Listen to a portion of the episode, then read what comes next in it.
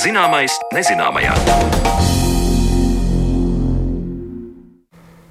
Esiet sveicināti, skanējums sāk raidījums zināmais nezināmajā, un šajā stundā kopā ar jums būs Zane Lāce Baltāksne. Noteikti neviens vien ir pamanījis, ka šoruden pļavas uzvedas visai dīvaini. Laikā, kad dabai ir pamazām jādodas ziemas miegā, kā tas ir ierasts mūsu platuma grādos, pļavās zied saulpurenes un arī citi ziedi. Kāpēc tās šogad uzvedas tik dīvaini un kādas varētu būt ilgtermiņa sekas, ja šādas vasaras atkārtosies un ko par izmaiņām domā no ziedēšanas atkarīgie kukaiņi, par to mēs runāsim raidījuma otrajā daļā. Bet pirms tam uzzināsim, kā notiek ezeru attīrīšana. Nākamā gada pavasarī Juglas apkaimē esošajā Velnezerā notiks tā attīrīšana no fosfora piesārņojuma, kas tur ir izveidojies jau pirms daudziem gadiem. Un fosforu likvidēs ar alum metodi. Tas nozīmē, ezers tiks tīrīts ar alumīnija sāļiem, kas piesaistīs pie sevis šo fosforu. Šīs darbības mērķis ir pirmkārt atbrīvot ezeru no fosfora, kas veicina aļģu ziedēšanu vasarās, skābekļa daudzuma samazināšanos un ezeru aizaugšanu, un otrkārt laust mītus par alumīnija sulfāta kaitīgumu. Šobrīd notiek ezera izpēte, un speciālisti vāc datus, lai varētu tos salīdzināt pēc Vēlnezera attīrīšanas. Un tāpēc par to, kā viss šis process notiks un kā tieši alumīnijas darbosies, uz sarunu es aicināju Latvijas Hidroekoloģijas institūta vadošo pētnieci Intu Dimanti Demantoviču. Stāstu pētniece sāk par fosfora nelabvēlīgo ietekmi uz ūdens tilpes vidi. Fosfors ir viena no būtiskajām barības eh, vielām ūdeņu ekosistēmām, kas eh, nodrošina barības vielas aļģiem. Bet, ja fosfora ir pārāk daudz, tad viņas pārāk daudz savairojās, eh, sākas ūdens ziedēšana. Aļģis tādā daudzumā nespēja patērēt vairs zooplanktons, viņas atmirstot grimst lejā.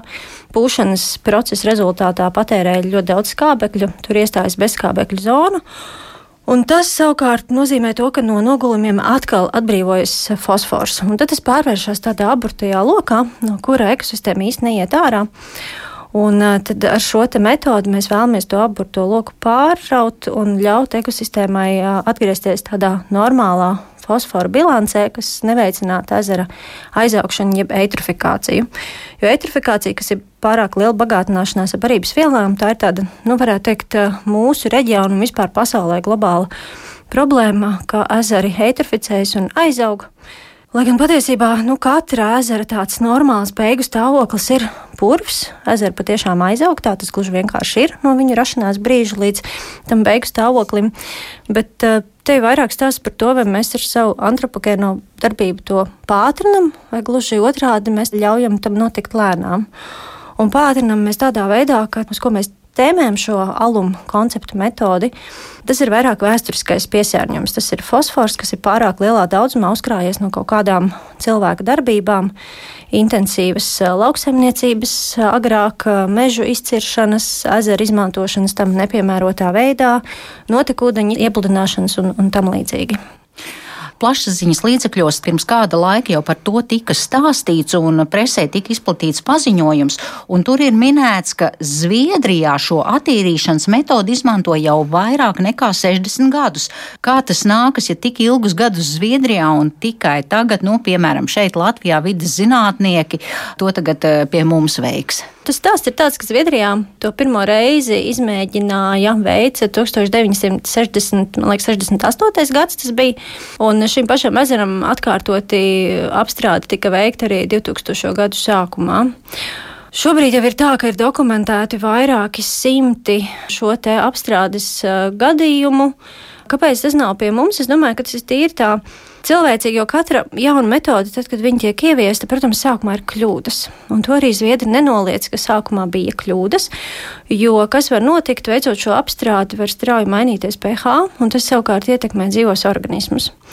Kāpēc mūsdienās jau tas praktiski ir izskausts, jo atšķirībā no sākotnējām ezera apstrādes tiem pirmsākumiem ar aluma metodi netika sākumā īstenot tāda lieta, kā uzbūvēts sākumā ģeomatemātiskais modelis kas paredz to, ka vairāku mēnešu garumā pirms tam ļoti rūpīgi tiek veikta izpēta, kuras laikā tiek noteikts ezerā esošais gan fosfors, kādi ir fosfora krājumi, gan pH, tiek mērīts skābeklis, tiek analizēti dažādi ķīmiskie dati, lai saprastu, cik liela ir šī deva, kas ir jāpielieto lai veiktu šo attīrīšanu. Tas ir ārkārtīgi svarīgi un ļoti būtisks tāds iepriekšējais solis, lai to varētu vispār darīt. Jo vienlīdz liela deva netiek izmantota visā ezerā. Tas ir atkarīgs no tā, kurā vietā ir tie fosforu krājumi.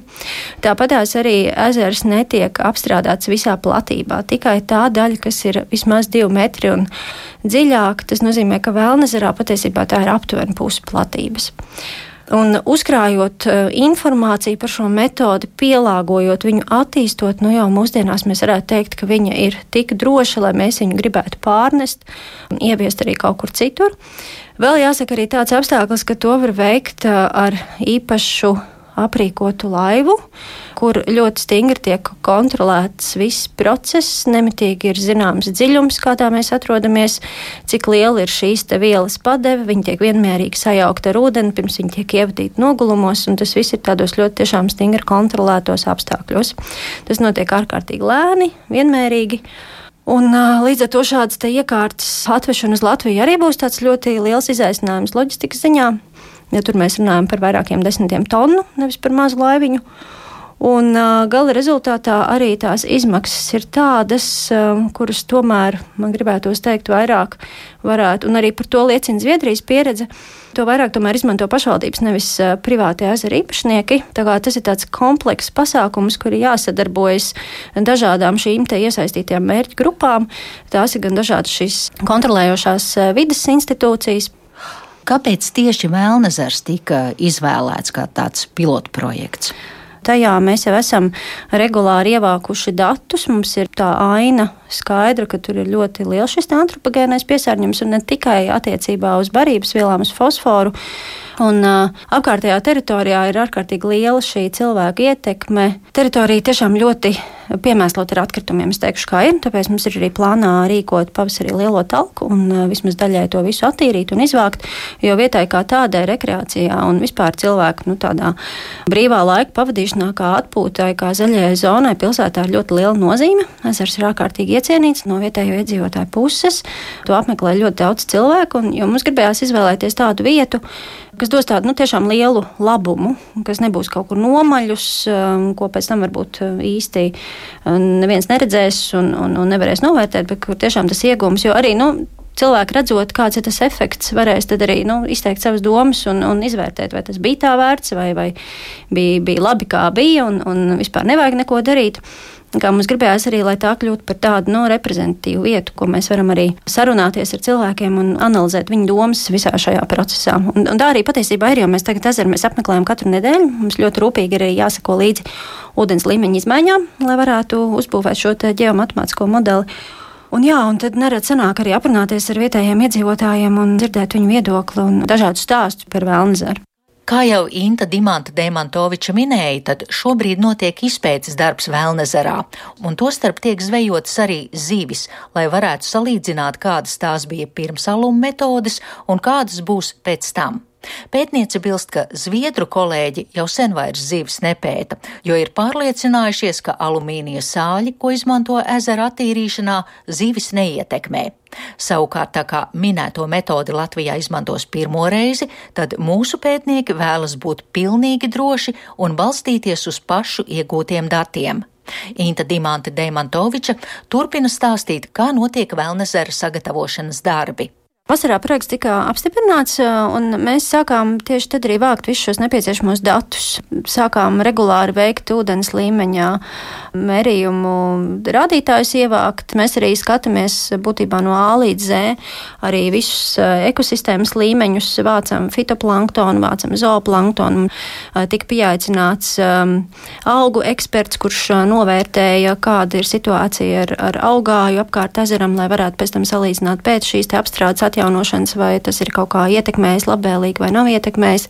Būtībā mums ir tiešām jāievāc ļoti daudz informācijas, lai to visu veiktu rūpīgi, atbilstoši protokolam. Ir arī dažādi citi priekšnosacījumi, kas ir jāievēro.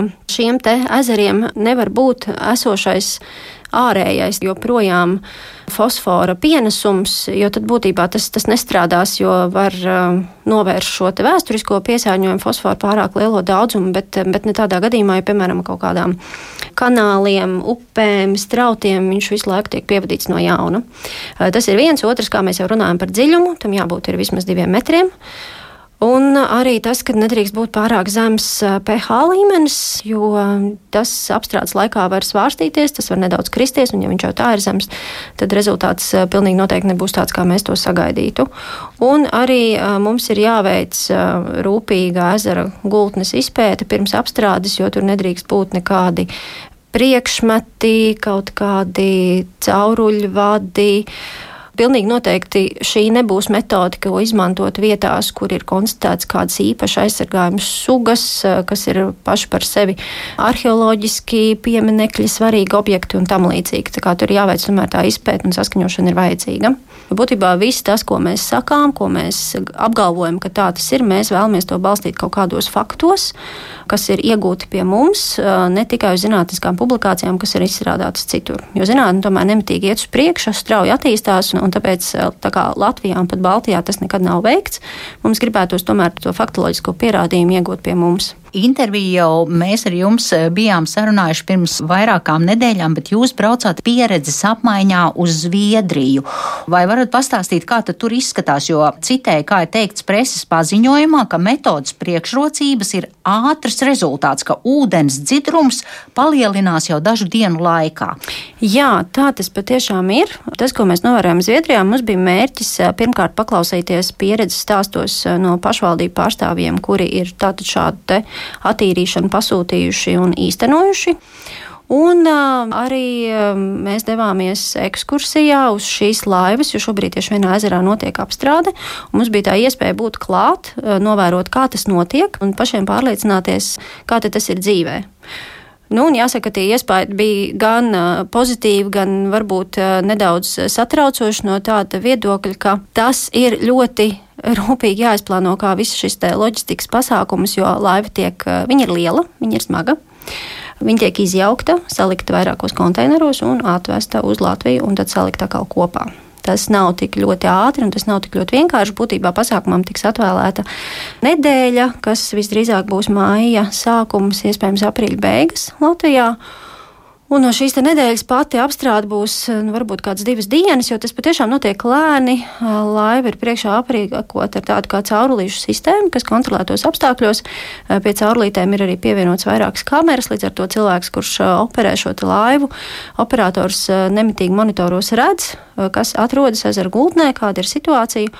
Un tad iegremdējot caurulītes, tad aptuveni 10 cm virsējais slānis ar nogulumiem tiek apstrādāts ar šo vielu, lai saistītu fosforu.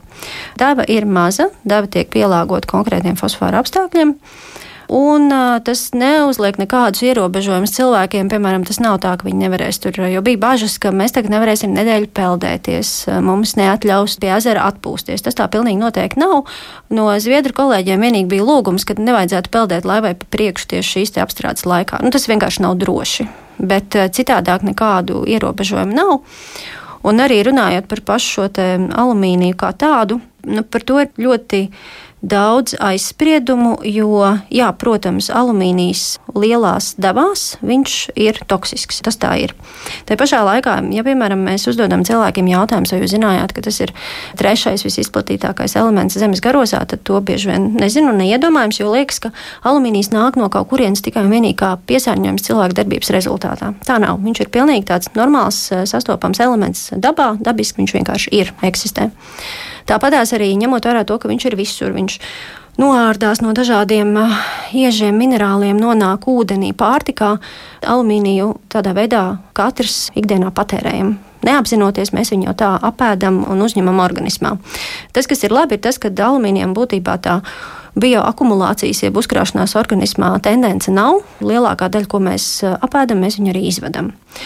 Nu, turklāt šajā gadījumā alumīnijas kā tāds saistīsies ar nogulumiem. Tas nenozīmē, ka viņš cirkulēs apkārt ūdenī un tagad mēs viņu caur ādu uzņemsim, apēdīsim un iedzersim. Nē, un lai par to pārliecinātos, tas, ko mēs ļoti rūpīgi katru mēnesi darām apmeklējamies ezeru katru nedēļu, lai veiktu dažādus mērījumus, bet katru mēnesi toties mēs mēram, kāds ir tieši alumīnija daudzums ūdenī jau tagad, kāds tas būs nogulumos, un kāds tas būs apstrādes laikā. Apstrādes laikā burtiski tas tiek pērīts nepārtraukti, un kāds tas būs pēc apstrādes.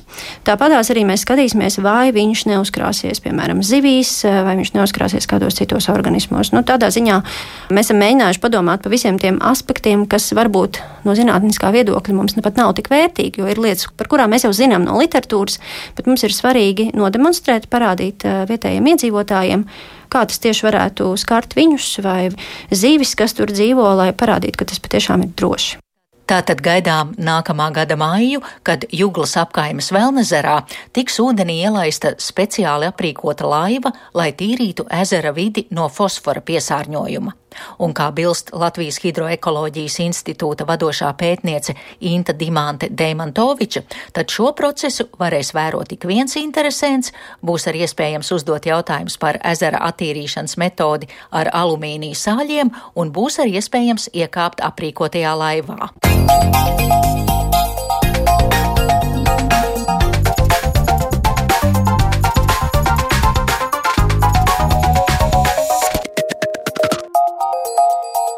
Zināmais, nezināmajā.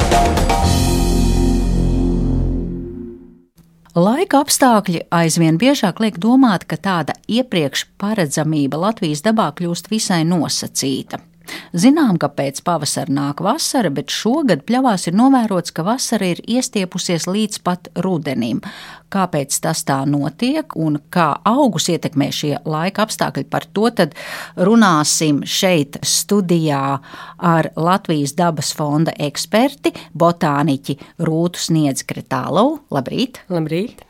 Un attālināti mums pievienosies Latvijas Universitātes bioloģijas fakultātes augu fizioloģijas katedras vadītājs profesors Ģedards Ieviņš. Labrīt! Labrīt! Un Nacionālā dabas muzeja vecākais entomologs Uģis Piterāns. Sveicināti! Labrīt! Arī es esmu sagatavojusies šai sarunai, proti, tādā veidā, ka šorīt braucot uz darbu, pamanīju, ka man pie mājām ir uzziedējis forsītī krūms, dzeltenie ziedi, ko mēs parasti redzam aprīlī, maijā, tagad arī oktobrī pilnā plaukumā. Rūta, tad vaicāšu jums, kas tad īsti šogad ir noticis pļavās un kas par iemeslu, ka pavasarī augi neziedēja, bet eh, šobrīd eh, tie turpina ziedēt. Es domāju, ka šo no augu fizioloģijas viedokļa vislabāk izstāstīs ģederts ieviņš. Bet, eh, nu jā, tas eh, pavasaris, kas mājā it kā pat iesākās tīri normāls, nu, ziedēja gaļbiksītes, parādījās, nezinu, tur pļauja augi, piemēram, jā, zvaguļi sadīgi tīri labi, Un te jau likās, ka būs tā kā viss kā parasti, un, un, bet uh, divus mēnešus mums iestājās sausums. Tāpēc tie augi, kas bija it kā sākuši attīstīties, tie nu attīstījās. Un tad uz diviem mēnešiem mums arī dabiskās pļavas, jo sevišķi tas, kas ir tādas sausās pļavas, jā, nu, tur patiesībā izstījās tieši tāds pats dzeltens tuksnesis, tā kā, nezinu, Rīgas zālājos. Uh, un tiešām auga attīstība nenotika, izņemot tādas vietas, kur bija varbūt, kur dabiski ir lielāks, nu, augstāks mitruma līmenis, vai kaut kādas noēnotas vietas, uh, nedaudz tā kā pasargāts nu, no tās uh, tiešās saules ietekmes. Nu, tad tur augi centās gan dzīvot savu dzīvi, un tas process kaut cik necik notika uz priekšu. Un tad, protams, jūlijā sākās lieti, Viņi turpinājās arī augustā, un liela daļa no augiem tikai tad sajūta to, ka, nu jā, patiešām ir tā vasara pienākusi un, un uh, sāka tādu aktīvu ziedēšanu. Un, kā mēs uh, zinām, jā, septembris patiešām bija tāds kā ceturtais īstenībā vasaras mēnesis. Un, un par to, kāpēc augļu koki vai šīs forsītijas vai, piemēram, jā, kastaņas zied, to noteikti jā, ģederts izstāstīs, bet, nu, augi, nu, izmanto to iespēju, kas viņiem bija iedota, tātad, un, un, un tiešām aktīvi uh, producēja sēklas, uh, bet, nu, tas jau Tie, tie augi, piemēram, kā liela daļa no orhidejām, uh, viņas jau tā arī neparādījās ziedošas, jo, ja viņām lielai daļai no orhidejām ir uh, raksturīgi tas uh, tieši jūlijā tā ziedēšana, tad um, tās ir tās, uh, nu, tās sugas, kuras mēs tā arī nekad šovasar tā masveidā nevarējām ieraudzīt. Jā, tad es vērsīšos ar jautājumu pie profesora Ģedara Tieviņa, kurš ir attālināti pieslēdzies mums. Tad šķiet, ka tas ir likumsakarīgi, ka augiem ir sajūts šis kalendārs, un viņi tā teikt domā, ka tagad ir vasara. Es, es jau varētu teikt, ka jā, nu, tā tas ir. Bet nu, mums jau jāsaprot, ka augi ir pielāgojušies īstenībā visai efektīvi dzīvot mainīgos apkārtējās vidas apstākļos, jā, jo vidas, vidas eh, šī mainība, ja heterogenitāte, tā ir viena no uh, vidas pamatīpašībām. Uh, un uh, turklāt, nu, nevienmēr var paredzēt laiku, nu, tā nosacīt, kad šī mainība, konkrētais parametrs, kad, kad viņš iestāsies. Ja. Mums ir labi zināmas lietas sezonalitāte, ja, ka ziemā ir augstāks nekā vasarā un, un saules gaismas vairāk, bet kurā brīdī precīzi tas būs, ja? vai tas ir mēnesis agrāk vai vēlāk, ja tas nav, nav definēts. Tā ir šī heterogenitāte laikā. Nu, mēs to saistām mūsdienās ar globālām klimata izmaiņām, bet patiesībā, ja paskatās nu, gadu, gadu griezumā, desmitgadēs, ja, tad cilvēki vienmēr atcerās, ka tad bija sausums, tad bija karstums, siltas ziemas un tā tālāk. Ja. Un, un faktiski augi ļoti labi spēj tam pielāgoties. Kas attiecas uz ziedēšanu kā tādu, tā ir ļoti, ļoti sarežģīta parādība un ļoti lielas atšķirības. Ir, teiksim, mēs paskatāmies uz viengadīgajiem augiem, paskatāmies uz daudzgadīgiem lakstaugiem, kas pļavās ir galvenokārt, vai uz kokaugiem. Ja tur uh, atšķirības ir ļoti lielas un, un pamatā ziedēšana, lai varētu, varētu iestāties, ir vajadzīgi noteikti vides apstākļu nu, tātad, šo faktoru intensitātes. Bet tas nav, nav tāds gluži vienkāršs process. Arī auga paša attīstība to ietekmē. Un, ja viengadīgajiem augiem tas ir vēl diezgan tā vienkārši, tad tādiem augiem kā koka augi, ja, tas, ir, tas ir diezgan sarežģīts process. Nu, es, es varbūt sākšu ar tiem koka augiem. Un, piemēram, ābelei ziedpumpuri, tie, kas ziedēs, nu, pavasarī, sāk attīstīties apmēram desmit mēnešus ātrāk. Tas ir tas laiks, kad ābele ir noziedējusi un faktiski attīstās augļi. Un paralēli sāk veidoties ziedpumpi. Tad notiek ziedēšanas indukcija, kas ir tīri nu, ar attīstību saistīta īpatnība īstenībā. Ja, un ir šiem ziedpumpuriem ir jāiziet miera stāvoklis, viņi saņem augstumu ziemas veidā, un pēc tam pavasarī, kad ir pietiekama aktīvā temperatūra summa, šie ziedi var uh, uzziedēt. Tā kā ļoti ir izvilks garš laikā šis te uh, brīdis starp ziedpumpuru indukciju un tiešām pašu ziedēšanu. Ja, kamēr, teiksim, tipiskam viengadīgajam lakstaugam, ja tas ir uh, burtiski dažu nedēļu laikā, kad šis auga meristējumi, ja šī te augšanas konus saņem attiecīgu signālu, uztaisa ziedpumpuru un uzzied. Ja? Tas nebūs laikā nobīdīts, tā būs tāda acumirklīga reakcija vairāk vai mazāk. Tad es saprotu, ka tie viengadīgie augi ir vairāk pielāgojušies, un viņi šīs rezerves sevī taupa. Kaut vai nu, arī ziemas vidū pēkšņi laiks mainās un kļūst ļoti silts, tad arī var izzied, uzreiz uzziedēt.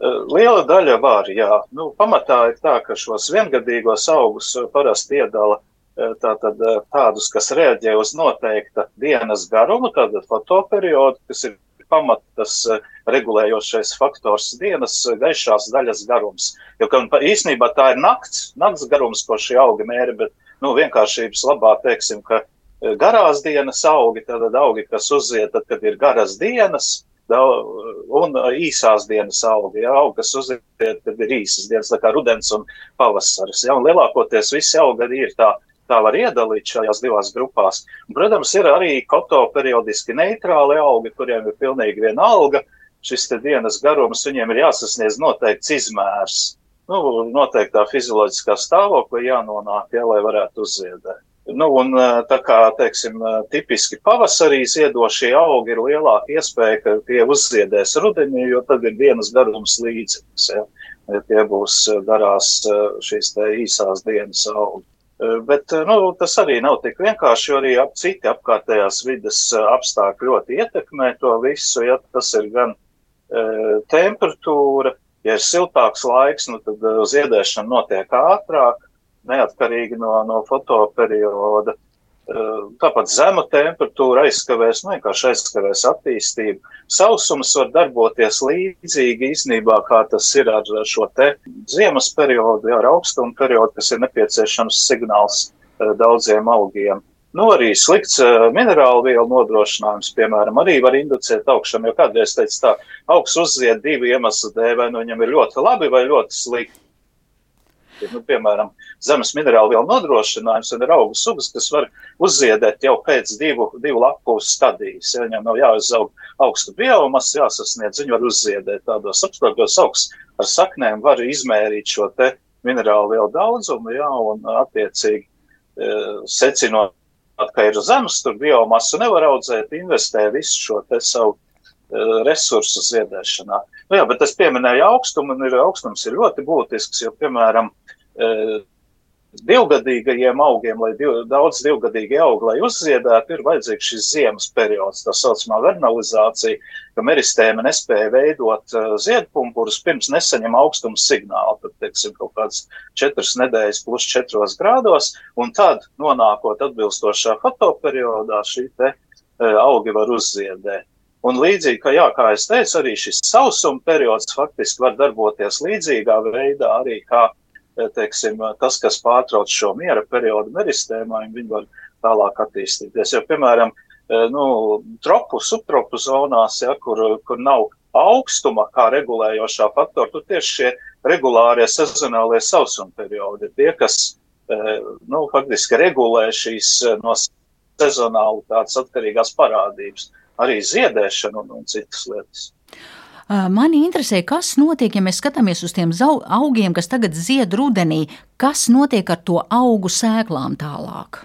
Nu, vis, visdrīzāk jau augu sēklas nenogatavosies. Jā. Nu, arī, ja nogatavosies, ļoti daudziem augiem ir nepieciešams siltuma periods sēklu nobriešanai. Nu, viņas izaugs, bet, teiksim, nebūs dīgtspējīgas. Ja. Tas ir, tas ir diezgan raksturīgi. Nu, kā zināmā mērā var teikt, jā, nu, tas kā zemē nomests, nomests resursus. Parasti, jā, pēc šādiem gadiem, ja tas neizraisa nekādas tālākas sekas šiem te, augiem kā tādiem, ja viņiem faktiski spēja atkal atjaunoties nākamā gadā, ja būs normāli apstākļi, viss atkal notiks es tagad pievēršos eh, rūtai, vai tad nav jāuztraucas par to, ka ja šādi laika apstākļi atkārtojas, ka pļavas var vai nevar dabiskās pļavas izzust? Nu, tas ir jā, ja ļoti, ļoti nu, tā, katru no gada no gada, gadu no gada. Tad es neteiktu to, ka mm, uzreiz tā, kad izsūta tās pļavas, bet nu, noteikti mainītos tāpat nu, augu sugu kompozīcija un sugu attiecības. Un um, vēl jau man būtu tāds drīzāk tas jautājums, kas man, manī, man raisās, ir tas, ka uh, labi, liela daļa no augiem ir spējīguši pašaputi, jā, bet tā pašā laikā ir arī daļa tādas jau specifiskākas sugas, kurām ir nu, tiešām šīs ciešās attiecības ar, ar, ar aputeksnētājiem. Ir sugas, kuras aputeksnē tikai noteikta veida kukaiņi. Un, ja, piemēram, tā pati saulpurene uzzied augustā vai septembra sākumā, mm, tad Un nav, nav piemēram, te, šie, šie kukaiņi, kas viņu saputeksnē, tad, nu jā, tad kas notiek tālāk? Un, ja tas atkārtojas gadu no gada, tad nu, nu, visticamāk, jā, kad ar laiku tāda saulparēna vienkārši vairs ne, neproducēs tās sēklas. nu, tādas dītspējīgas, kā jau teica ģederts. Un, nu, un, ja, ja jau šobrīd jau mums ir tas, ka tīri dēļ apsaimniekošanas pļavas saskarās ar to, ka sēklu banka tiek noplicināta. Vienkārši tāpēc, ka mēs vācam zāli savādāk. Un, nu, nākotnē, jā, tad, tad vēl vairāk un vairāk atkārtoties šādiem vēlējiem periodiem, kad, kad, mēs, kad auga zieda vēlu, kaut kādas sēklas veidojas, varbūt pašaputas veidā, vai, vai, vai, vai varbūt tomēr tiešām jā, ar aputeksnētājiem, bet no ar laiku. Tad, protams, kad nu, noplicinās sēklu banka un mainīsies, mainīsies, būs vairāk tās sugas, kas, nezinu, veģetatīvi vairojās un, un diemžēl, parasti tās ir tās sugas, kuras mēs gribētu pļavā mazināt, jā. Un, un savukārt tās retās sugas, kas ir tieši uh, pielāgojušās tādai nu, tādā il ilgtermiņā ļoti stabilai videi, ka viņi ir pielāgojušies pie tā, ka nu, bija tradicionālais dzīvesveids ar sienu ieguvi un siena vākšanu, tieši tā kā viņi notika. Uh, nu, lūk, un tad šīs sugas nonāk tādā zaudētāja lomā. Tad, Rūti, jūsu jautājumu adresēsim entomologam Uģim Piterānam. Jā, kas tad notiek ar kukaiņiem un kā šādi laika apstākļi, kas bija šovasar un šo rudeni, ietekmē kukaiņu un augu savienību? Nu, protams, sausums, e, kā jebkurš faktors, e, ietekmē kukaiņus arī, protams, e, bet uzreiz var teikt, ka līdzīgi droši vien augiem būs sugas, kas būs ietekmētas negatīvi, bet arī sugas, kas, kas varbūt izmanto šo sausuma periodu, jo, nu, arī, nu, varbūt neiet runa tik daudz par aputeksnētājiem, bet varbūt augu ēdājiem, jo sausums ir, protams, stresa faktors augam un Un, eh, un, eh, un šādos apstākļos nu, augi spēja paši grūtāk cīnīties piemēram, par dažādiem, nu, mēs viņus saucam par kaitēkļiem, piemēram. Un, eh, un šāda, šādās sausuma periodos atkal šādas sugas var tieši uzplaukt, viņu skaits var būt daudz lielāks. Bet, protams, ja runājam par tādiem aputeksnētājiem, manuprāt, šogad to varēja samērā vismaz man personīgi ir novērojumi, varbūt par to liecina. Tas varbūt nav tā statistiski, nav pagaidām pierādāms. Uzskaits netika varbūt veikts Bet, piemēram, kamenes, manā, manā, manuprāt, šogad bija nedaudz mazāk, jo droši vien tas sausuma periods sakrita ar to aktīvo periodu, kad nu, šīs karalien, ka, kameņu karalienes, kas modušās pēc ziemas miega, kad viņiem tas likstu veidošanas periods, kad ir jāaudzē šīs saimes. Un, nu, tas ziedošos sugu augu skaits nu, bija vietām samazināts šī sausuma dēļ. Uh, Eh, un, manuprāt, eh, vismaz vēlāk, sezonā, jūlijā, augustā, kad, kad eh, ir parasti kameņu skaits ir liels, tēviņi un šīs jaunās saimnes ir sasniegušas savu lielāko skaitu. Nu, šogad mana, mana personīgā pieredze liecina, ka bija nu, nedaudz mazāk kā, kā ierasts.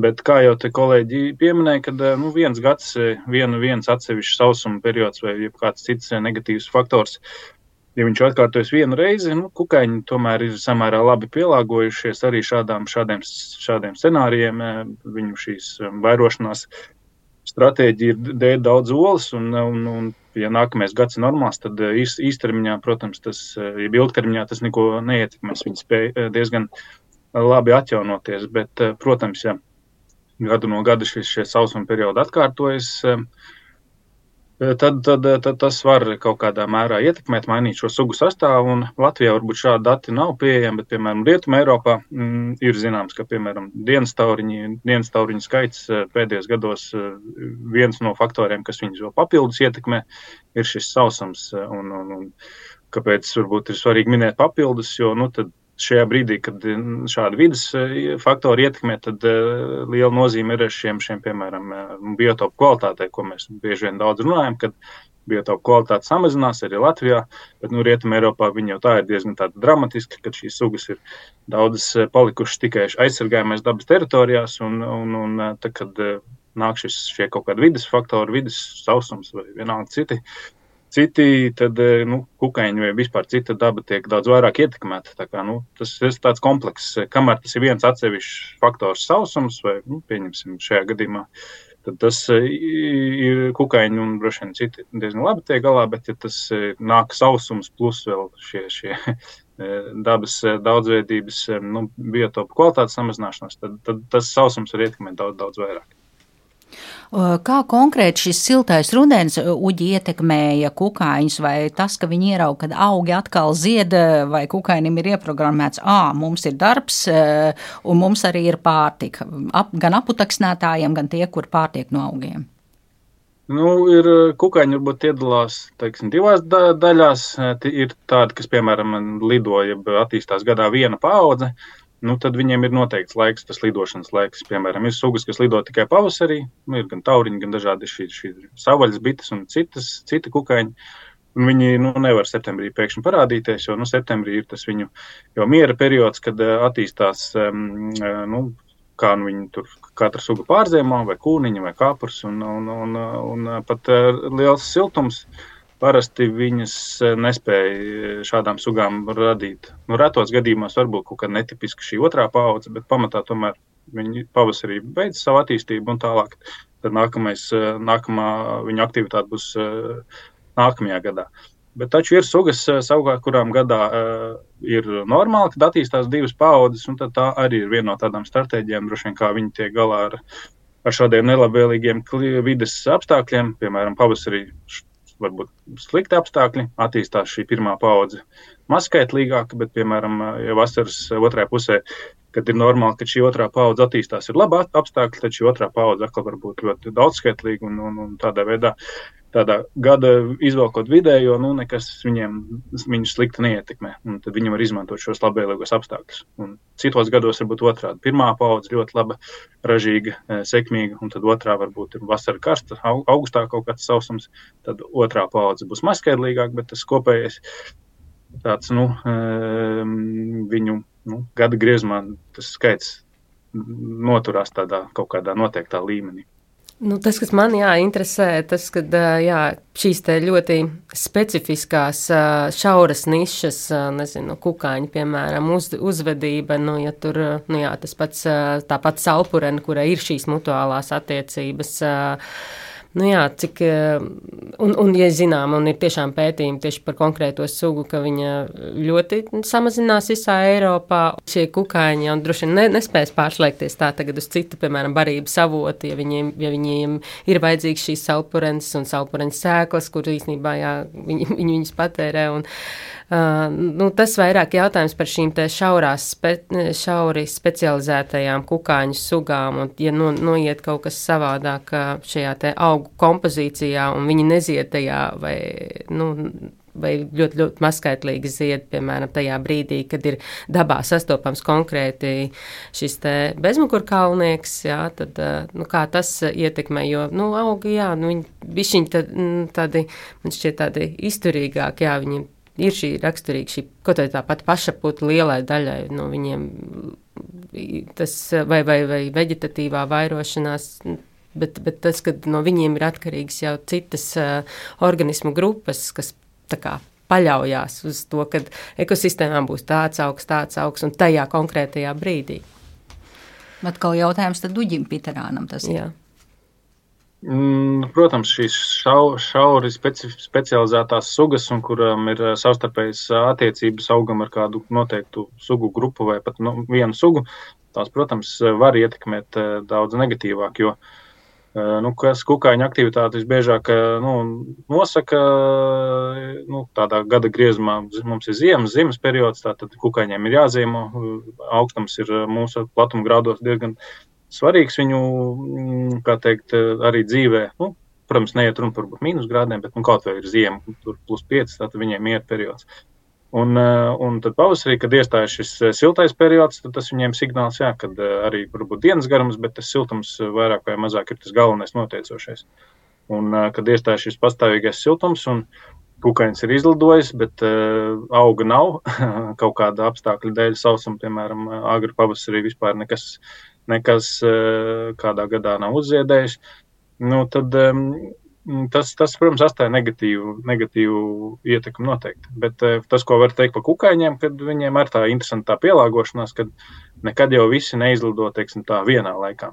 Pat eh, tādām sugām, kas, kur, kuru dzīves ilgums varbūt ir divas, trīs nedēļas, tāpat pirmie īpatņi izlido steidzīgākie varbūt ātrāk, varbūt, kad arī vēl nekas nezied, tīri dabiski, jebkurā normālā gadā, nu, tad viņi ir tādi neveiksminieki savā ziņā. Bet uh, tad varbūt ir kaut kāda, kas aizkavējās, kas izlido varbūt pat ļoti vēlāk kaut kāda iemesla dēļ. Nu, normālā gadā varbūt viņi arī visi nokavējuši, viņiem arī nekas nesanāk. Bet tajos, tajos dīvainajos gados, kad ir kaut kādas eh, novirzes no normas, tad šie agrie vai varbūt tie vēlē, varbūt ir, ir, ir tie, kas, kas tad izvelk šo, šo, šo sugas uh, populāciju, kur, kur ir tie galvenie veiksminieki patiesībā. Un, un, un retos gadījumos var būt pat situācijas, kad um, kādas um, sugas eh, cikli vispār aizkavējās. Nu, ir pieņemsim, lielākā daļa īpatņu izlido kā viņiem vajag, bet varbūt nezinu, 2%, 5% aizkavējas un tikai nākamajā gadā izlido. Un tas arī reizēm ir tas eh, kā tāds nedaudz drošības eh, mehānisms, nu, ja, piemēram, tur iestājas kaut kas. Vispār kataklizma vienā gadā, nezinu, uguns, uguns kaut kādas nelaimes kaut kādā teritorijā, ugunsgrēki tās ir tās eh, tie, tie īpaņi, kas kā, pēc viena gada eh, var atkal eh, nu, būt tie, kas turpina sugas pastāvēšanu. Un, bet, kā jau minējām, jau uzsvērām, tad viens gads no sevis nē, bet tieši, tieši ir daudz gadi pēc kārtas notiek kaut kādi šie negatīvie faktori, viņi summējās, un tas, tas, tas, tas noteikti var ietekmēt negatīvi, protams tad es saprotu, ka mm, laika apstākļi, kādi bija šovasar un šoruden, ir nu, dabu nedaudz sašūpojuši, bet mēs nevaram runāt par kaut kādām uh, bažām. Dzīvā daba pielāgojas izmaiņām klimata, vai tomēr? Nu, nē, viens gads nu, tiešām nu, nemainīs tā, bet nu, tas ir tāds uh, precedents, piemēram, ar to pašu divu mēnešu uh, nokrišņu nesamību. Tas tomēr mums uh, novērojam vēsturē tāds periods nu, vēl nav bijis uh, piefiksēts. Jā, tā kā, nu, interesanti, mēs esam tagad veikuši visādus monitoringus, tad jau redzēs ilgtermiņā, kas, uh, cik bieži tas atkārtojas un kas notiekās. Bet, nu, izdarīt tādas ļoti tādas konkrētas, tālajošas tur, nu, prognozes, tas būtu tā kļūdaini. Tā, tā nevajag darīt. Jā, vai kaut kas ir piebilstams Džedartam Ieviņam? Es, es jau varu tikai piekrist, jā, šādas, teiksim, izmaiņas, jā, nu, nav Varbūt tas bija ilgākais sausuma periods, ja, kas bija vasarā novērots, bet noteikti ne, ne vienīgais, ja, kaut kādā, teiksim, tūkstošu gadu griezumā. Ja, kā, un mēs ļoti labi redzam, ja, nu, visas, visas pļavas ir vietā, protams, jā, nu, kā jau teica, jā, šis sugas sastāvs varbūt šajā brīdī mainās, pēc tam ietekmi šī uz augsnes sēklu banku, bet Bet kopumā nu, tie vēl nav katastrofāli notikumi. Noteikti. Nu, ja tiešām četrus mēnešus būtu sausums, ja, domāju, nu, tad, tad, protams, mēs redzētu ja, noteikti arī, arī tādas uh, uzreiz šo negatīvo ietekmi. Tā kā viss, viss ir ilgumā un intensitātē, ja, kā tas vienmēr, vienmēr ir dabā. Uģi, es saprotu, ka kukaiņu pasaulē tas vairāk ietekmē šie laika apstākļi augu, bet ne kukaiņu pasauli. Nu, protams, ja mēs runājam tādā ilgtermiņā, līdzīgi kā, kā, kā kolēģi pieminēja, bet uh, ko es varu tikai atkal uzsvērt, ka jā, liela vispār nozīme ir šiem biotopu teiksim, kvalitātei, stāvoklim. Un, uh, nu, tas, kur mēs šobrīd Latvijā atrodamies, un mēs varam skatīties, kā Rietumē Eiropā situācija ir attīstījusies pēdējo 30, 50 gadu laikā, nu, tas ir mūsu iespēja varbūt nepieļaut viņu kļūdas, nu, tās mūsu mūsu vērtīgās vietas, eh, dabas eh, teritorijas un censties eh, nu, saglabāt. Kas tiek darīts, bet ne varbūt visur un pietiekamā apjomā, teiksim tā. Un tad jau, nu, ja būs šī, šī dzīvotnes, tad jau arī tās sugas, sugas atradīs. Ja šie apstākļi neatkārtojas, protams, desmit gadus pēc kārtas, kaut kāds ilgstošs sausums, tad tās sugas šajās dzīvotnēs spēs uzturēt sevi, nu, kukaiņiem vismaz ir tā, tā iespēja, ka skaits diezgan strauji spēja atjaunoties. Tas nav varbūt kā kā, kā lielie zvēri, kuriem tas at, vairošanās cikls daudz garāks un daudz mazāk šie pētnācēji. Kukaņi tiešām dēļ desmitiem, simtiem oliņu, un, un viens labs gads atkal viņu skaitu var atkal uzšaut, kā teikt, gaisā, un tad ilgtermiņā tad tas, tas viņu ietekmē, viņu skaits nemainās. Nu, galvenais ir, lai ir kur dzīvot, lai ir šādi dzīvo, dzīvotnes. Nu, man jāsaka visiem ekspertiem paldies, ka sniedzāt ieskatu dabas grāmatā un uh, par to, kā šī gada laika apstākļi ietekmēja augu un kukaiņu attiecības. Par to šeit uh, studijā stāstīja Rūta Sniedz Kretālova, Latvijas dabas fonda eksperta un botāniķe, un attālināti ar mums bija Latvijas Universitātes bioloģijas fakultātes augu fizioloģijas katedras vadītājs profesors Ģedards Ieviņš un Nacionālā dabas muzeja muzeja vecākais entomologs Uģis Piterāns. Ar to arī izskan šis raidījums. Pie skaņu ierakstu pults bija Nora Mitspapa, par mūziku rūpējās Girds Bišs, raidījuma producenta Paula Gulbinska, ar jums sarunājās Zane Lāce Baltālksne. Uz sadzirdēšanos!